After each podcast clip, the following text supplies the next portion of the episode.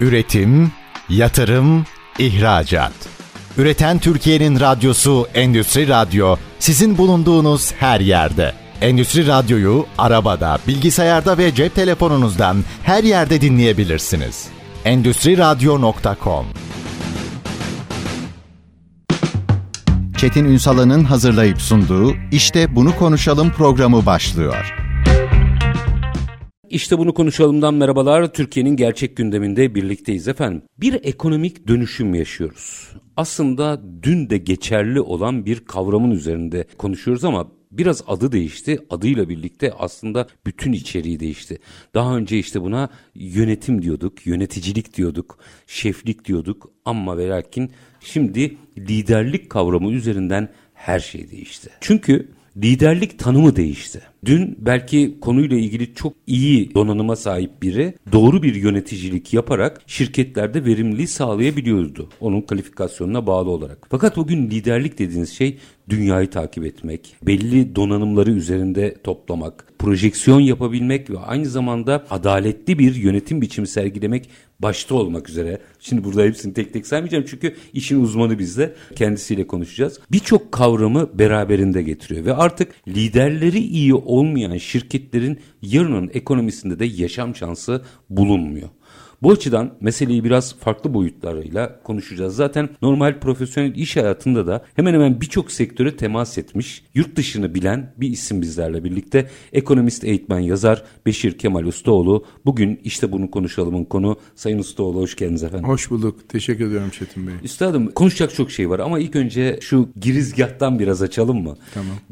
Şimdi bugün gitsek herhangi bir firmaya girsek belki büyük çaplılar değil ama orta çaplılarda işte liderlikten bahsediyorsak ben zaten yılların yöneticisiyim hmm. derler. Yılların yöneticisi olmak bugünün ve geleceğin ekonomisindeki liderlikle özdeşiyor mu? Hayır.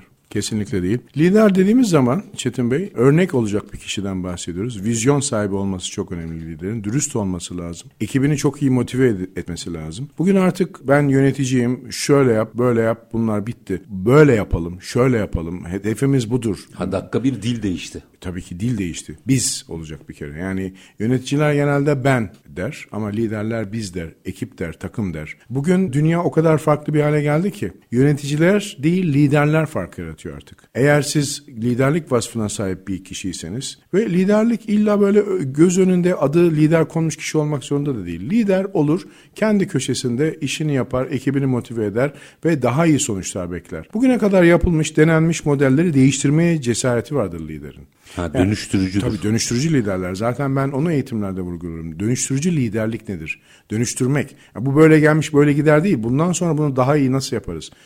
Şirketimiz için, ekibimiz için, ülkemiz için, insanlık için neler yapabiliriz? Yani biliyorsunuz bugün artık bir küresel iklim değişikliğinden bahsediyoruz. Lider bunu da göz önüne alacak yaptığı faaliyetin hizmet veya üretim her neyse çevreye etkisini de göz önüne alacak. Liderlik bugün çok farklı bir hal aldı Çetin Bey. Hani liderler fark yaratıyor dediğim gibi. Birçok şirket var dünyada. İsimlerini söyleyebilir miyiz bilmiyorum burada. Yani Pek markaya girenleri markaya girmeyelim tamam. Yani birçok şirket var. Mesela adı çok büyük bir online şirketi var. Bu kişi şirketin sahibi olarak anılır. Aslında şirketin 9 56'sı onundur. Yani nedir bu? Kişilerin isimlerini söyleyebilirsiniz. Jeff Bezos Hı-hı. o zaman. Hani 95 yılında online kitap satmaktan yola çıkmış. Bugün Amerika perakende piyasasının çok ciddi bir bölümünü eline geçirmiş vaziyette. İşte bu dönüştürücü liderlik. Ama şunu da diyor Jeff Bezos. Bu şirketin tamamı benim olacağına, şirket büyüsün, küçük bir parçası benim olsun, büyük bir pay olsun. Paylaşım ekonomisi. Paylaşım ekonomisi aynen öyle. Şimdi yöneticiler buna pek sıcak bakmıyor hala. Liderler ancak bunu yapabiliyor. Veya bir kahve zinciri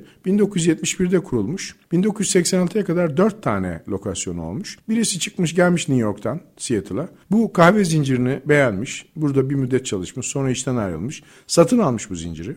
Ve şu anda 36.100 tane dünya çapında yeri var. Şimdi aynı kahve zinciri aynı yerde başlamış ama bu bir vizyon, bir görüş. Ne yapmış burada? İşte demiş ki evle iş yeri arasında üçüncü bir yeri yaratacağım demiş. Hmm. Yeni bir şey katın içerisine. Aslında e, bir yaşam alanı yaratıyor. Evet. Bir kahve zinciri değil veya evet. kahve içilecek bir yer değil. Evet. Bakış açısı orada değişiyor galiba. Evet. evet aynen öyle. Yani ben öyle bir yer yaratacağım ki ev var işte akşam gidiyoruz evimize, dinleniyoruz. Sabah tekrar işimize gidiyoruz. Gündüz işte zaman geçiriyoruz çoğunlukla. Ama bir de arada bir yer olsun. Orada insanlar gelsin sohbet etsin, iki görüşme yapsın, kahvesini içsin, güzel müzik dinlesin. Bu felsefeyle yola Bu arada bu mesele olurken hibrit çalışma falan yok. Tabii, yok. Şu anda o kahve zincirleri ofise bile döndü. Aynen öyle. Yani bugün her kahve zincirine girdiğiniz zaman yani isimler zikretmiyoruz Bilgisayar burada. Hepsinde çalışma var. istasyonları var. Şarj e, noktaları var, prizler var. Yani bir ama bu sonuçta bir liderlik. Yine bir havayolu şirketi İngiltere'den çıkıyor. Bir adam diyor ki ve disleksik bu kişi. Yani disleksiya ne biliyorsunuz? Ben diyor plak satmaktan sıkıldım havayolu şirketi kuracağım. Ona diyorlar ki sen İngiliz havayollarıyla rekabet edemezsin. Onların çok büyük bir şirket. Yüzlerce uçağı var. Ben farklı bir şey yapacağım diyor. Ne yapacaksın diyor. Ben diyor uçağın tamamını first class yapacağım. Muhteşem bir tecrübe olacak. Uçağın içerisinde masa, masaj olacak. Alanlar geniş olacak. Ve ben Londra'da uçak bileti alanları evinden veya iş yerinden limuzinle alacağım. Heathrow havaalanına getireceğim. Heathrow'la New York arasında uçmaya başlayacağım. New York JFK havaalanına indiği vakitte yolcularımı evlerine ve otellerine limuzinle göndereceğim. Tam VIP servis. Tam VIP. Diyorlar ki bunu British Airways de yapabilir. E, yapamaz diyor. British Airways'in bir sürü uçağı var. Bu organizasyonu bile bunun çok zor diyor. Ve bu kişi bu mantıkla, bu iş modeliyle başlıyor. Reklamını nasıl yapacaksın diyorlar. Uçağın kanadına çıkacağım, bir fotoğraf çekileceğim. Böylece sansasyon yaratacağım diyor. Ve yaptı. Şu anda çok ciddi esaslı bir havayolu şirketi olarak İngiltere merkezli çalışıyor. Yine havacılıktan bir örnek vermek istiyorum Çetin Bey. 2000 yılında kurulan bir havayolu New York, Los Angeles arasında çalışıyor. Biliyorsunuz uçaklar çok pahalı yatırımlar. Uçağın esas olan yerde kalma süresini hızlandırmak. Yani uçak ne kadar çok uçarsa havada kalırsa Park o kadar. etmeyecek. Tabii ki park etmeyecek. İşte ikmal, e, e, tedarik için uçak fazla kalmayacak. Bu e, 63 yaşında birisi e, diyor ki uçaklar havadayken inmeden az evvel hani artık yerlerinize geçin kemerler bağlayın anonsundan az önce hostesler uçağın içerisinde çöpleri toplasın. Hani okuduğunuz dergi, kitap, gazete, içtiğiniz kahvenin kabı gibi. Hostesler diyor ki hani biz servis yaparız, servisi toplarız ondan sonra çekiliriz kenara. Bu bizim işimiz değil. Peki diyor lider. Bir gün uçağa biniyor. Takım elbise kravat. Takım elbise kravat uçağa biniyor. Ve orada e, uçak inmek üzereyken eline bir tane çöp torbası alıyor. Çöp poşeti. Uçağın koridorunda yürümeye başlıyor. Mürettebat diyor ki bu kişi kim? Diyorlar bu bizim şirketin CEO'su David. Aa, CEO çöp topluyor. O zaman ayıp biz de toplayalım ve arkasından insanlar yani mürettebat çöp toplamaya başlıyor ve şu anda gördüğünüz bu birçok havayolunda var artık hemen hemen. Bu uygulama David Neilman tarafından hayata havacılık sektörüne sokulmuş bir uygulama. Liderlik işte bu. Yani E- ego sıfır. Ego sıfır tabii ki. Ego sıfır ve ben dönüştüreceğim diye bir cesaret var. Dürüstlük var, anlatım var. Yani ekibine anlatıyor ne yapmak istediğini. Çok iyi anlatıyor. Dinliyor. Şimdi hani biliyorsunuz bizim özellikle ülkemizde bir dinleme sorunu var. Yani herkes Dinleriz de duymayız. duymayız evet. Şimdi ben sizle konuşurken e, sizin lafınız biter bitmez acaba Çetin Bey'e ne söyleyebilirim diye kafamda bu geçer. Lider bunu yaparsa olmaz. Lider dinleyecek ama herkesi dinleyecek. Yani en alt seviyedeki ekip mensubuyla en üst seviyeye kadar dinleyecek. Bakın 1990 yılında Formula 1 pit stoplarda arabanın benzin ve lastik değişimi Bakımının olduğu bakımı alanlar. alanda 1990 yılında pit stopta bekleme süresi 8 saniye. Bugün 2023 yılında Katar'daki Grand Prix'de bu 1.78 saniye Saniyede düştü. çok uzunmuş hocam. ya. Şimdi çok uzun geliyor. Evet. Ama bunun arkasında ne var? Ben onu eğitimlerde dile getiriyorum. Bir Formula 1 ekibi 200 ile 600 kişilik insandan oluşuyor. Burada esas olan liderin herkesi motive etmesi, görevleri doğru dağıtması, yanlışlar olduğunda bunu dile getirmesi, güzellikler olduğunda da buna ödül vermesi. Maestroluk mudur liderlik? Bir yerde öyle tabii ki. Peki e, şimdi bir araya gideceğim. Buyurun. E, ama araya gitmeden önce girizgahını yapayım dönüşte buradan da bir açılım yapalım. Ben sizin bizlerle birlikte olacağınızı dinleyicilerimize aktarırken bir ifade kullandım. İlla birini yönetmesi de gerekmez belki de liderin dedim. Öyle mi değil mi işin uzmanına soracağım. Kimseyi yönetmeyen bireyin bile kendi başına iç liderliği olması gerekir dedim. Şahanesiniz. Bu çok önemli bir şey. Bunu aslında baştan söylememiz lazımdı. Çok önemli. Aradan açalım sonra aradan açalım. sonra. Efendim kısa bir ara. Aranın ardından ekonomist eğitmen yazar Beşir Kemal Ustaoğlu'yla liderliği, liderlik eğitimlerini ve aslında burada nelerin anlatıldığını konuşacağız. Kısa bir ara lütfen bizden ayrılmayın. Üretim, yatırım, ihracat. Üreten Türkiye'nin radyosu Endüstri Radyo sizin bulunduğunuz her yerde. Endüstri Radyo'yu arabada, bilgisayarda ve cep telefonunuzdan her yerde dinleyebilirsiniz. Endüstriradyo.com Kısa bir aranın ardından işte bunu konuşalım demeye devam ediyoruz efendim. Liderlik konuşuyoruz, yeni ekonomi konuşuyoruz. Kıymetli bir konumuz var. Ekonomist, eğitmen, yazar Beşir Kemal Ustaoğlu bizlerle birlikte. Araya gitmeden önce hiçbir yanında personel olmayan yani hmm. aslında şef bile değil. Evet. Birebir kendi bir çalışan. Evet. Bunun iç liderliği ne kadar önemli, nasıl yönetilir? Biraz buradan başlayalım. Çok önemli Çetin Bey. Çok güzel bir yere temas ediyorsunuz. Aileyi düşünün. Ailede de lider var. Bazen baba, bazen anne, bazen dede, bazen nene, bazen küçük kardeş, bazen büyük ağabey. Ailede de lider var ve ailelerin zaten gidişatını da bu liderler belirler. Bazen lider ortada değildir, arka planda durur. Bazen lider olmak zorunda kalır birisi. İşte baba vefat eder, büyük abi lider olmak zorunda Şartlar getirir. Şartlar getirir. Şimdi şu soruyu da bu bağlamda sık sık görüyoruz. Lider doğulur mu, olunur mu? Nedir da, doğrusu? Doğulur da olunur da. Eğer sizin yani Malcolm Gladwell'in Outliers kitabını biliyorsunuz. Orada diyor ki bir şeyi 10 bin saat yaparsanız uzmansınız. Klasik 10 bin saat mesela. Klasik 10 bin saat. Eğer bir de içinizde yetenek varsa işte müzik aleti çalmak gibi, yazmak gibi. Virtüöz olursunuz. Virtüöz olursunuz. Ama lider doğmak zorunda değilsiniz. Olursunuz da. Bazen isteyerek olursunuz, bazen şartlar sizi lider yapar. Ben şunu diyorum bir de Çetin Bey. İki kişinin olduğu yerde lider vardır. Bir domine eder durumu. Kesinlikle. Zaten aksi türlü olmaz. Mesela Otomobil sporlarında rally. Ben üniversite yıllarında rally yaptım. İki kişiyiz. Pilot, kopilot. Orada da lider var. Ve bu ikisi arasındaki muazzam bir iletişimle araba uçmaz, finişe gelir, birinci olur veya sonuncu olur. O liderlik de galiba pozisyona göre değişiyor değil mi? Evet. Sürüş sırası, Tabii. belki navigasyonu yönetme sırasında kopilot lider oluyor. Tabii. Sürüş sırasında pilot pilot lider evet. oluyor. Evet. Liderliği paylaşabilmek de gerekiyor o zaman. Tabii ki. Tabii ki. Yani bir de liderlikte e, şu çok önemli bir şey.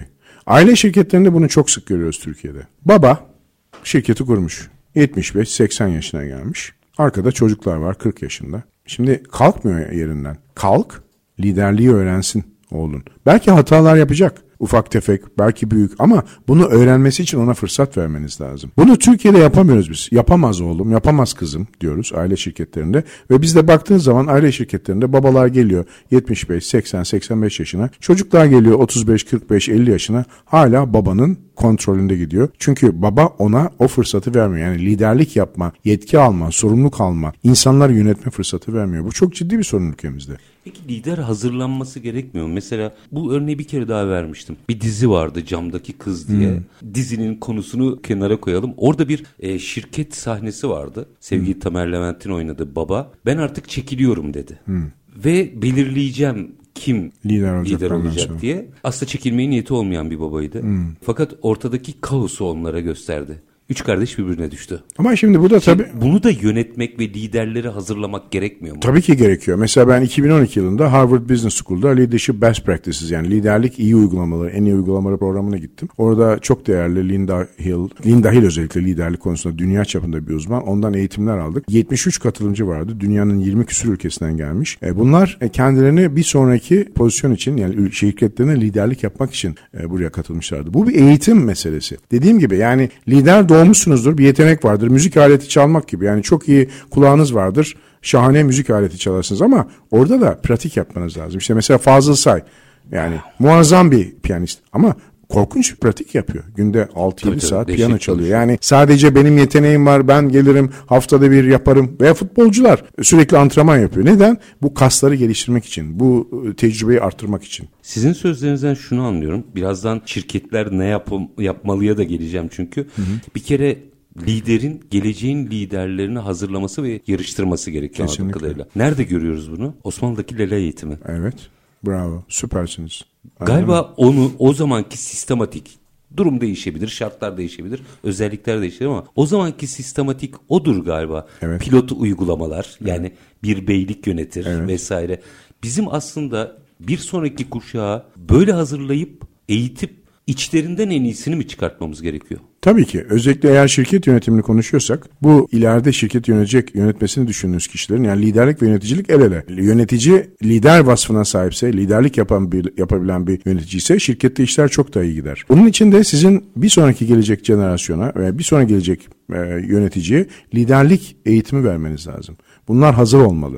Bunlar işte dediğim gibi buna ne eğitim verebilirsiniz? Bunlara insanlarla nasıl iletişim kurulur? Nasıl dinlenir? Nasıl konuşulur? İnsanlar nasıl motive edilir? Cesaret nasıl verilir? Bunların yanında olursunuz. Biz dersiniz, ben demezsiniz.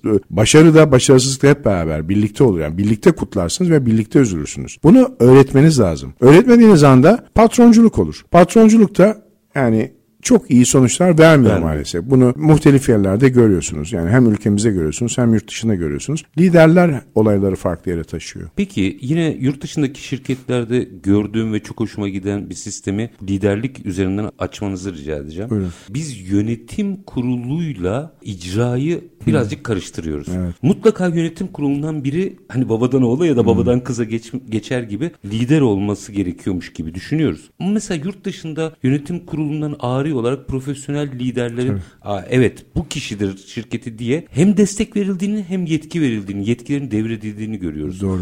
O olgunluk seviyesini nasıl yakalıyorlar? Mesela İsveç'te bir firma var. Bunlar hem otomobil üretir, hem kamyon üretir, hem iş makinesi üretir. Adını yine söylemiyoruz. Şirketin sahibi yok.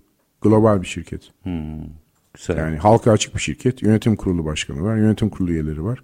Yine Almanya'da bir iş makineleri firmasının mümessili bir firma var. Yine adını zikretmiyoruz. Almanya, Avusturya, Türkiye Cumhuriyetlerinde birkaç yer olmak üzere o markanın dünyadaki en büyük distribütörü ve firmanın yönetim kurulu üyeleri var. Firmanın sahibi bir kasaba, kasaba halkı. Yani patron aslında hissederler. Patron hissederler. Şimdi Türkiye'de biliyorsunuz SPK'ya eğer tabiyseniz bir bağımsız yönetim kurulu üyesi bulundurmanız lazım yönetim kurulunda. Şimdi yavaş yavaş bu ailelerde de, aile şirketlerinde de popüler olmaya başladı. Çünkü yönetim kurulu dediğiniz zaman genellikle yönetim kurulu yani 5-10 sene evveline kadar hissedarlardan yani oraya sermaye koyan kişilerden oluşuyor. Genelde bir kişinin oluyor. Genelde bir kişi oluyor. Ee, onlar da yanda işte figüran gibi oluyor. O da aileden oluyor zaten. O da aileden oluyor. Ama e, o zaman karar alma konusunda yanlı oluyorsunuz. Veya birisi ne bir fikirle ortaya çıktığın zaman birisi size ya icat çıkarma nereden çıktı bu diyebiliyor. Oysa bağımsız bir yönetim kurulu üyesi böyle bir öneride bulunursa bağımsız sonuçta yani o her ay geliyor huzur hakkını alıyor toplantıdan toplantıya geliyor gidiyor o daha farklı algılanıyor. Dolayısıyla bu tür yerlerde yani aile şirketlerinde veya SPK'ya bağlı halka açık şirketlerde bence yönetim kurulu üyelerinin daha fazla olması lazım bağımsız yönetim kurulu üyelerinin ki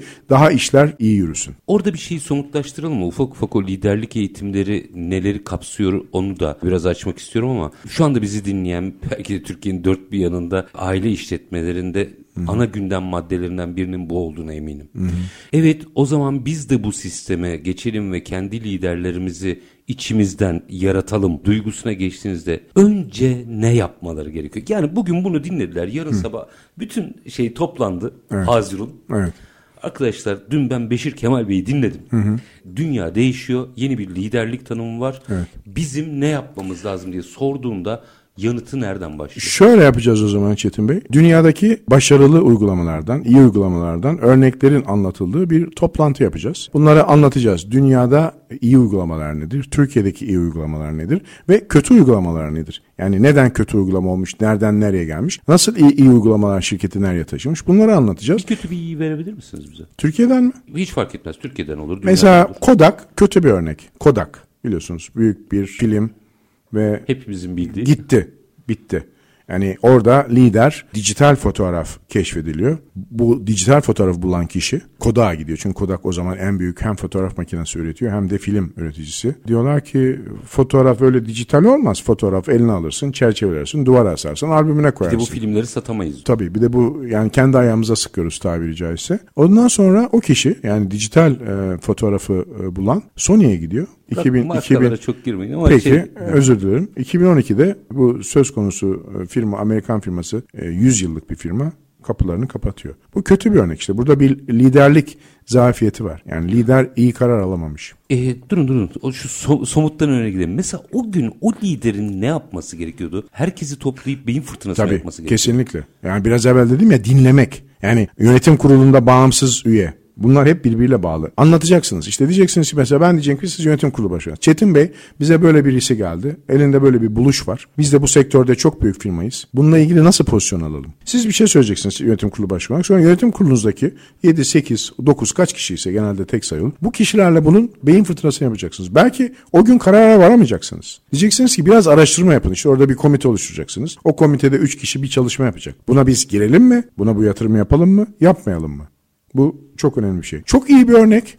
Yine marka telaffuz etmiyorum. Amerika'dan bir firma. Bunlar buluş yapan insanları bulurlar veya buluş yapan insanlar bunlara giderler ve bunlar da o buluşu dünyaya satarlar. Adını yine söylemiyoruz. Söyleyemiyoruz yani. Hadi kaçalım. Bir, bir, bir, sadece bir kere söyleyin herkes. 3M. 3M.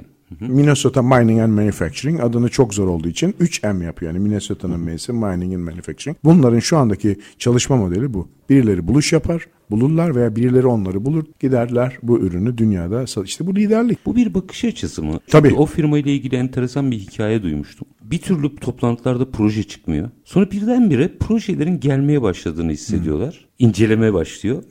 Kahve makinelerinin önünde sohbet ederken proje çıktığını fark ediyorlar ve şirketin her yerine kahve makinesi döşüyorlar. Hmm, orada ayaküstü herkes sohbet ederken yani bir yerde beyin fırtınası yapılıyor orada. Bilmiyordum bunu. çok Bu enteresan. bir bakış açısı değil mi? Tabii, bakış Yani açısı. mesela ya boşuna vakit kaybediyorsunuz. Kapatın şu kahveleri de diyebilirdiniz Tabii ki, kahve makineleri. Tabii ki. Ama şimdi bakın bizim kültürümüzde şu yok mu? Eski köye yeni adet getirme.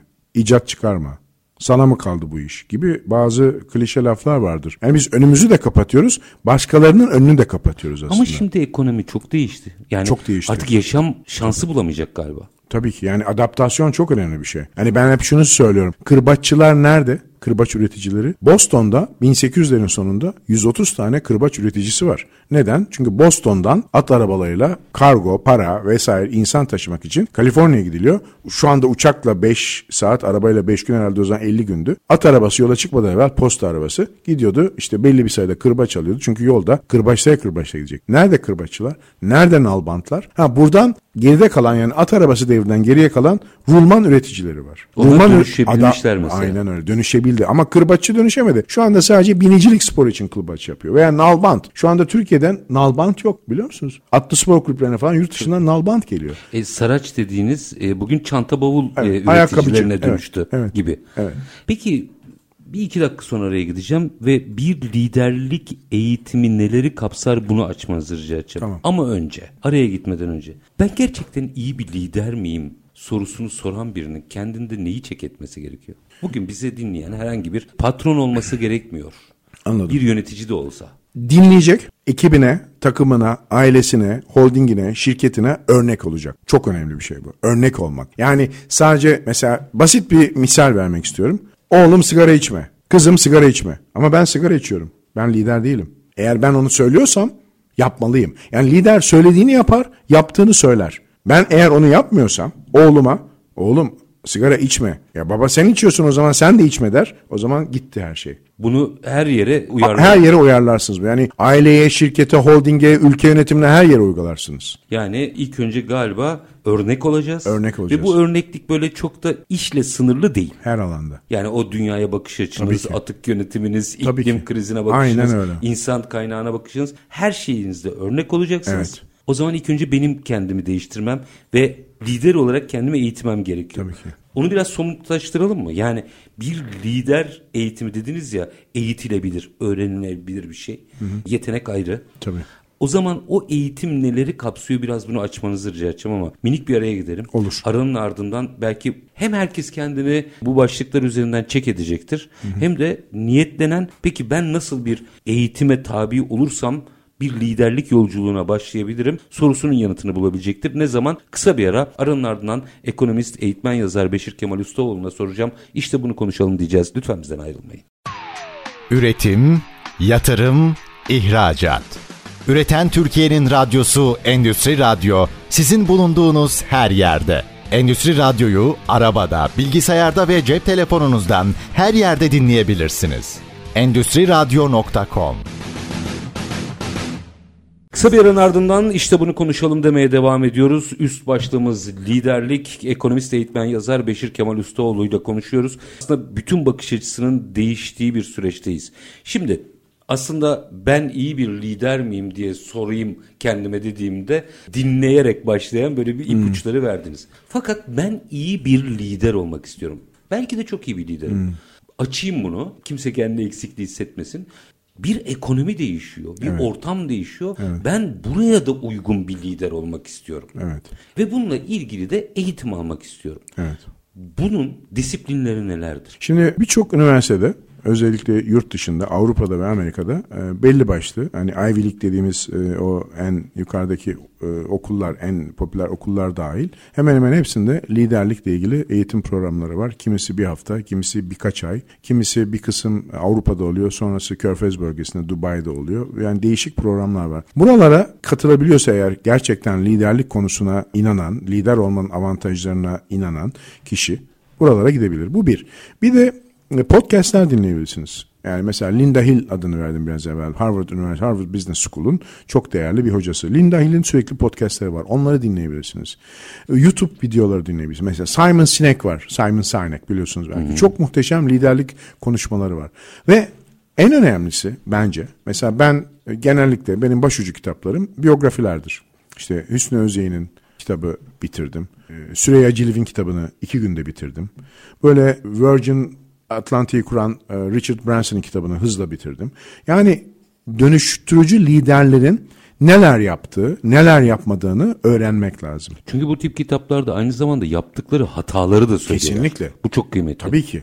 Yani ben bir kitap yazdım mesela. Kitabımın adı Başarısızlık, Başarı, Mutluluk. Şimdi genelde hep başarıdan bahsedilir Çetin Bey. Ama başarısız... Daha tatlıdır çünkü ama Tabii. tecrübe başarısızlıktadır. Zaten başarısızlıktan sonra başarıyı yakalıyorsunuz. Ve neden mutluluk diyorum? Yani başarısız oldunuz, çok üzüldünüz, zor günler geçirdiniz, belki depresyona girdiniz. Sonra başardınız, işte mutluluk geliyor ardından da. Yani bu e, biyografiler özellikle ülkemizde ve dünyada dönüştürücü liderlik yapmış. Mesela G'nin Jack Welch hmm. biliyorsunuz muazzam bir cesaretle e, 130 küsür tane General Electric'in şirketi varken şirket artık G'yi koskoca G'yi işte e, Edison elektrik ampul bu şirket yok olup gidecek. Jack Welch aşağıdan yukarı gelmiş bir yönetici yani şirket içinde mevkileri atlamış ve o CEO görevine geldiği zaman çok radikal, çok cesur bir liderlik örneği sergiliyor. Diyor ki bu yüz küsür tane şirketin hepsinden bir rapor istiyor. Diyor ki ilk üçe girmediğimiz sektörlerden çıkacağız. Ya o şirketleri satacağız ya kapatacağız. Aslında muhtemelen belki de kar ediyor o anda. Radikal bir karar bu. Evet çok radikal. Ama o kadar e, şirket büyük ki kar, zarar, iyi kazanan, az kazanan hepsi birbirine girmiş. Şimdi o zaman... Yarı bizde de oldu bu. Şimdi ismini vermeyeceğim ama hmm. en büyük holdinglerden biri. Ya biz artık yatay büyümeyeceğiz. Evet. Dikey büyüyeceğiz evet. diyerek bu radikal hamleyi yaptılar. Ama işte mesela. bu liderlik aslında bu cesaret ister. Doğru. Ama bu cesaretin ardında mutlaka Jack Welch veya Türkiye'deki bu holdingin e, CEO'su, yönetim kurulu başkanı, yönetim kurulunda bunları tartışmıştır. Rahmetli Mustafa Koç söyleyeyim ya. Rahmetli Allah olduğu rahmet için ismini ee, çok, zikretmem lazım. E, doğru söylüyorsunuz. Çok e, değerli, büyük kayıp tabii değerli olduğu kadar. Bunlar çok önemli şeyler. İşte cesaret burada zaten. Liderlik burada. Yani böyle gelmiş böyle gider mantığında birisi lider değildir. Veya bunu böyle yap, ben bunu böyle yapmanı istiyorum lider değildir. Bunu böyle yapalım. Bu böyle olursa daha iyi olur. Gelin bir fikir bir hani beyin fırtınası denen veya işte e, Amerikalıların şirketleri zaman zaman sonra Woods Meeting dedikleri işte gidip mesela Bolu, Sapanca böyle bir yere gidip orada hafta sonu kapanıp bir şeyleri değiştirmek için ne yapmalıyız? Yani yönetim takımı C-level e, toplanıp gitmesi. Bunları yapan kişi liderdir. Ama liderlikle ilgili kendinizi birçok mecrada geliştirebilirsiniz Çetin Bey. Dediğim gibi okulların bu tür programları var. Belli başlı üniversitelerin. İşte biz böyle bir eğitim veriyoruz. Podcastler, YouTube kanalında bir sürü videolar ve biyografiler. Yani sizin beğendiğiniz, kendinize örnek aldığınız. Mesela Vehbi Koç Hatıralarım diye bir kitap vardı. Ben yıllar evvel okumuştum. Üzeyir Garih'in muazzam feyz almışımdır oradan. Yani iki tane ortak Üzeyir Gari, İshak Alaton aile e, şirketi sonuçta ikisi aile bir araya gelmiş. Holding olmuşlar ama sıkı görüşüyorlar. Eşleri mecbur kalmadıkça görüşmezmiş. Aynen. Mesela. Aynen. Üzeyir Gari diyor ki biz ev ziyareti yapmaz olduk. Bir kere gittik. Aa onun avizesini gördüm mü ben de bunu. Yani bunları okuduğunuz zaman doğru yolu buluyorsunuz. Tabii. Oturduğunuz yerde işte televizyona bakarak veya Instagram'da sürekli gezerek bir yere ulaşamıyorsunuz. Gerçekten bunları okumanız lazım. Okuyup başarılı olmuş liderlerin nereden nereye geldiği, o yere gelirken yolda düşüp kalkmaları, Bunları okuduğunuz zaman diyorsunuz ha ben burada yanlış yapmışım diyorsunuz. Ha bunu böyle yapmamalıyım diyorsunuz. Kendinizi geliştiriyorsunuz. Bir kırılma anı var. Orayı biraz açmanızı rica edeceğim. Şimdi ben bütün bunları okudum, takip ettim, inceledim bütün liderleri vesaire. Vay be noktasından bir tık sonrası var. Tık şurada. Bu eğitimleri de aldım. Evet. Kendimle nasıl mücadele edeceğim? Nasıl? Onu anlayamadım. Yani ne demek istediniz kendimle nasıl mücadele edeceğim? Onlar yapmışlar. Evet. Benim artık kendimi ön yargılarımdan sıyırıp bu yolculuğa çıkmam için yapmam Değişime gereken. hazır olmanız lazım. İşte onu nasıl yapacak? Değişeceksiniz. Orada kitleniyor iş. Şimdi hani tekrar Malcolm Gladwell Outliers'a geliyorum 10 bin saat. Şimdi siz sürekli bu konuyla ilgili kitaplar okursanız, podcastler dinlerseniz, YouTube'lar e, izlerseniz, TED Talk'lar izlerseniz bu konuyla ilgili izle izle izle o zaman siz e, düşünce yapınızın yani mindset dediğimiz şeyin değişimine sebep oluyorsunuz. Ama bir defa bir programa gitmek, bir defa bir kitap okumak da bunu değiştiremezsiniz. Çünkü öyle gelmiş yani mesela 35 yaşındasınız, 55 misal. yaşındasınız misal. E, yıllardır zaten sizin bir alışkanlığınız var yani insanlarla olan ilişkiniz, ekibinizle olan ilişkiniz, ailenizle olan ilişkiniz var. Şimdi bunu değiştirmek bir kitapla, bir podcastle, bir eğitimle olmaz. Birden bir aydınlanma olmuyor. Aynen öyle. Ee, sözünüzden şunu anlıyorum. Bu eğitimleri alacaksınız ama aynı zamanda bunu bir bakış açısı haline getireceksiniz. Sürekli. Yani moda tabiriyle sürdürülebilirlik var ya şu an. Her yerde, her konuda sürdürülebilir olması lazım bunu. Ben mesela şahsen Ta benim babamın vefat ettiği 25 yaşındaydım. O günden evet. itibaren ben aile şirketleriyle ilgili, liderlerle ilgili sürekli elime geçen her kitabı okumuşumdur. Sakıp Sabancı'nın, Vehbi Koç'un, Üzey Garay'ın, İsa Kalato'nun işte yani bunları okuyarak kendime eğittim. 2012 yılında da dedim ki ben 2012 yılında ben bu işin okuluna gitmek istiyorum. Hangisi en iyi? Harvard Business School biliyorsunuz işletmede yani bir, numara. bir numaradır dünyada. Gittim ve iyi ki gitmişim. Oraya gittim geldim bitmedi. Ondan sonra o kitapları okumaya devam ettim. Podcastleri dinlemeye devam ettim. Önüme çıkan LinkedIn'deki liderlik gruplarının hepsindeyim. Avrupa'daki, Amerika'daki, Asya'daki. Böyle böyle dünyada neler oluyor? Neler liderlik veriyor size? Neler sizi liderlikten geri bırakıyor? Bunları öğreniyorum. Takip eden bir kişi olarak giderkenki haliniz, düşüncelerinizle dönerkenki arasındaki fark neydi? Of. Neyi kırdınız orada? Oh, çok değiştim. Mesela orada Peter diye biriyle tanıştım. Alman. Bana o muazzam bir bakış açısı verdi. Benim e, yakamdaki karttan işte baktı burada dedi İngilizce mining, madencilik yazıyor dedi. Ne madeni dedi. Kalker dedim. Nerede dedi. E, Türkiye'de dedim. Aa dedi o zaman siz benim bizim müşterimizsiniz dedi. Yo dedim değiliz. Siz ne yapıyorsunuz dedim. İşte bir marka söyledi. Yo dedim biz o markayla iyi değiliz. Aramız şu anda açık dedim. Gel otur bir dakika dedi. Bakın koskoca. İletişim. Ha koskoca bir imparatorluk. Yani adamın yönettiği şirket bir imparatorluk. Ve, ve orada o gün bu arada. Ve Harvard Business School'un bahçesinde kahve molasında benim yaka kartımdan ne iş yaptığımı soruyor. Beni dinliyor. Türkiye'deki meslektaşını, aynı mevkidaşını arıyor. Ben Harvard'dan gelir gelmez o Türkiye'deki mevkidaşı beni arıyor. Peter'la konuşmuşsun bir sorun varmış biz bizimle yaşadığınız. Onu seninle konuşmak istiyorum. Seni bilmem ne yemeğe davet ediyorum bilmem nerede. Gidiyorum ve sorun çözülüyor. Bakın burada acayip bir öğreti var. Ben burada korkunç şey öğrendim. Yani kibirli olmak, ego olmak, ben büyük bir şirketin yöneticisiyim ya bu kim ki işte bunun zaten bunda 10 tane makinem var ben 10 binlerce satıyorum değil. Her bir küçük müşteri bile önemli. Küçüğüne büyüğüne değil galiba insani ilişkiye bakılıyor esas orada. Tabii ki. O başarıyı getiriyor Tabii galiba. Ki. Ta- ya bakın ben size bir örnek vereceğim. Seattle'da yaşarken kahveciye gittik. Adı mühim değil o kahvecinin. O kahvecide arabada 5 kişiydik. En küçük kişi arabadan indi. Birisi arabanın en büyük kişisi, en senior kişisi 100 dolar verdi nakit. Dedi ki işte kim ne istiyorsa işte al. kafe, americano, latte al gel. Aldı geldi araba işte. Çetin Bey, Beşir, abla, anne, baba dağıttı. Sonra omzuna vurdu babasının. Baba paran dedi. Sen mi aldın kızım dedi. Yo dedi. E kaç? Oğlum dedi kahveler kaç lira? E, dedim baba 3-3,5 dolar falan. Ne? 15-20 dolarlık şimdi kahve mi ikram ettiler bize? Nasıl oldu bu kızım dedi. Bozuk paraları yokmuş. ikram ettiler dedi. Şimdi bu marka dünya çapında bir marka. Tesadüf olmuyor Çetin Bey. Ya hocam bu bizim eski kültürümüz. Evet. Biz kaybettik bunları. Şimdi böyle bir mağazaya gidin bozum yok bozdur gel. Tabii.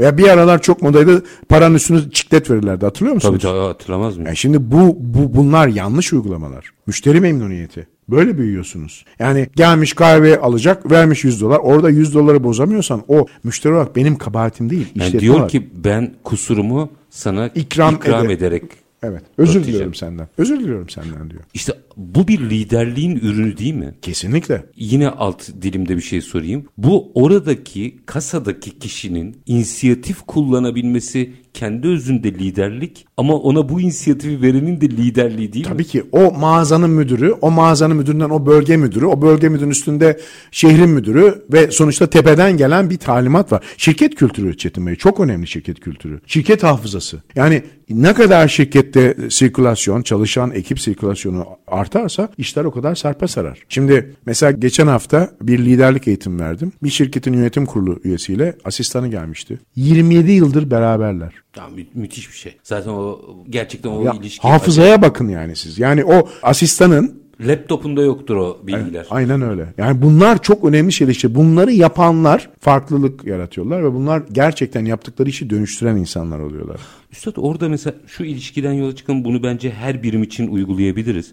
Mesela o belki yönetim kurulu başkanı Evet. asistanın tavsiyesiyle belki de karar değiştirir. Değiştirir tabii. Siz böyle düşündünüz ama bakın böyle böyle var. Siz daha önce bu hatayı yapmışsınız deyin de işten kovulmaz o kişi. Tabii ki bakış açısı zaten esas olan ve biraz yani başta da söyledim tekrar bunu vurgulamak istiyorum müsaadenizle. Lider dinler. Çok iyi dinler. Sonra konuşur. Baştan konuşan kişi lider değildir. Patrondur. Dinler sorun varsa. O sorunun içeriğine iner. Sonra konuşmaya başlar sorunu çözmek için. Sorun nasıl çözüleceğini. Bilmiyorsa yine birileriyle konuşur o sorunun çözülmesi için. Peki çok hayati bir şey sizle daha çok konuşacağız bunları da. bir iki üç dakikam var hayati bir şeyi sorarak yorumunuzu alarak bitirmek isterim. Buyurun. Ee, bundan 15 sene önce bunları konuşuyor olsaydık başarılı bir şirketin gerekleri olarak anlatabilirdik. Öyle bir noktadayız ki bir şirketin var olup olmayacağıyla ilgili bir noktadayız. Yani liderlik tanımı veya değişimi artık başarının ötesine geçmedi mi? Kesinlikle. Varsınız ya da yoksunuz. Kesinlikle. 3 dakikada bize bunu anlatın olur. Kesinlikle eğer tekrar işten aileye geçiyorum. Ailenin lideri doğru liderlik yapıyorsa o ailenin fertleri mutlu, huzurlu, iyi eğitimler alan, iyi kariyerler yapan insanlar. Şimdi liderlik deyince aileden ailedeki liderlikten şu örneği vermek istiyorum. Mesela oğlum doktor ol.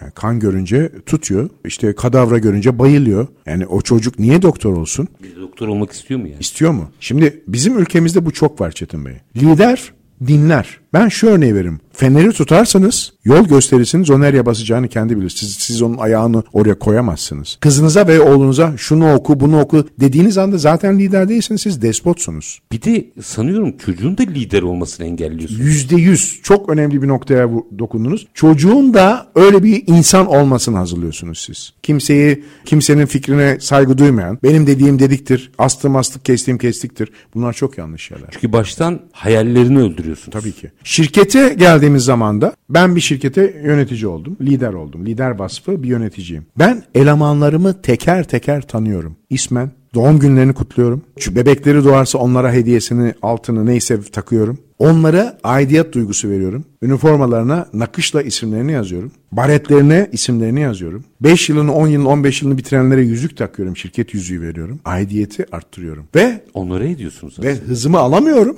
Duvara kocaman bir pano koyuyorum. İdari binaya, atölyeye, oraya buraya. Bütün orada çalışanların adını yazıyorum. Çünkü onlar olmazsa o şirket yok. Şimdi şirket dediğiniz şey aslında insan. İnsan. Yani şu anda biz buradayız. Tamam mikrofon var, aletler var ama sonuçta biz olmazsak buranın anlamı Tabii. yok. Eğer siz o insanları iyi motive edemiyorsanız, onlara cesaret veremiyorsanız, onlara vizyon veremiyorsanız, onlara bugün başka bir şekilde işlersek işlerin daha iyi olacağını anlatamıyorsanız, gösteremiyorsanız zaten lider değilsiniz. E sonuçta insan sermayesi en önemli şey ve liderler de insanı besler. Patronlar insana değer vermez. Liderler insana değer verir. En üstler, en üst, en kıymetli kaynak liderler için insan kaynağıdır. Sanıyorum bunun da artık bir inisiyatiften çıkıp bir yaşam ne gerekçesi olduğunu anlamamız gerekiyor. Ve galiba ezberi bozarak başlayacağız. Belki bugün işte biz birazdan programı kapatacağız ama herkes gidip en güzel şeyi kendine yapar. Bir düşünsün herkes. Evet. Ben ne yaptım? Ne yapmalıyım? Çözüm için veya değişim için ne yapmalıyım ki yarın da o şirketler ayakta kalabilsin ya da profesyonelseniz taş üstüne taş koyabilin. Veya aile yönetiyorsanız, ailenin liderisiniz. Ailenizde mutluluk, huzur, refah ve herkes keyifli olsun. Üstad doyamadım. Mutlaka tekrar Çok birlikte olalım. Ee, Bir mukavele, o kadar önemli şeyler söylüyorsunuz ki bu sadece iş değil. İşin ötesinde bir yaşam yönetimi. Evet. Ve bu yaşam yönetiminde başarılı olamayanların da e, sanıyorum gelecekte çok şansları olmayacak. Doğru söylüyorsunuz. Var Evet, olunuz. Ağzınıza sağlık. Sizin de ekonomist, eğitmen, yazar Beşir Kemal Ustaoğlu çok çok teşekkür ederim. Ben efendim. teşekkür ediyorum. Bana bu fırsatı verdiğiniz için çok keyif aldım. Beslendim. Sizden de bir sürü şey öğrendim. Estağfurullah var olun. Asıl ben öğrendim. Ama bunu bu sinerjiyi biraz siz zaman zaman rahatsız etmek, Memnuniyetle, ne zaman arzu edersiniz. isterim. Bu ezberi bozmamız gerekiyor. Evet. İş hallolur. Teknoloji de geliştirilir. Evet. Ama bakış açısını değiştirirsek. Çok doğru, çok güzel. Efendim biz konuştuk. Takdir sizlerin. Konuğumuz ekonomist eğitmen yazar Beşir Kemal Ustaoğlu'ydu. Liderliği, iş hayatında olmayı, değişen disiplinleri, yeni ekonomi içindeki bakış açısını tümünü sizler için değerlendirdik. Her zaman gibi bitirelim. Takdir sizlerin. İşinizi konuşun, işinizle konuşun. Sonra gelin işte bunu konuşalım. Hoşçakalın efendim.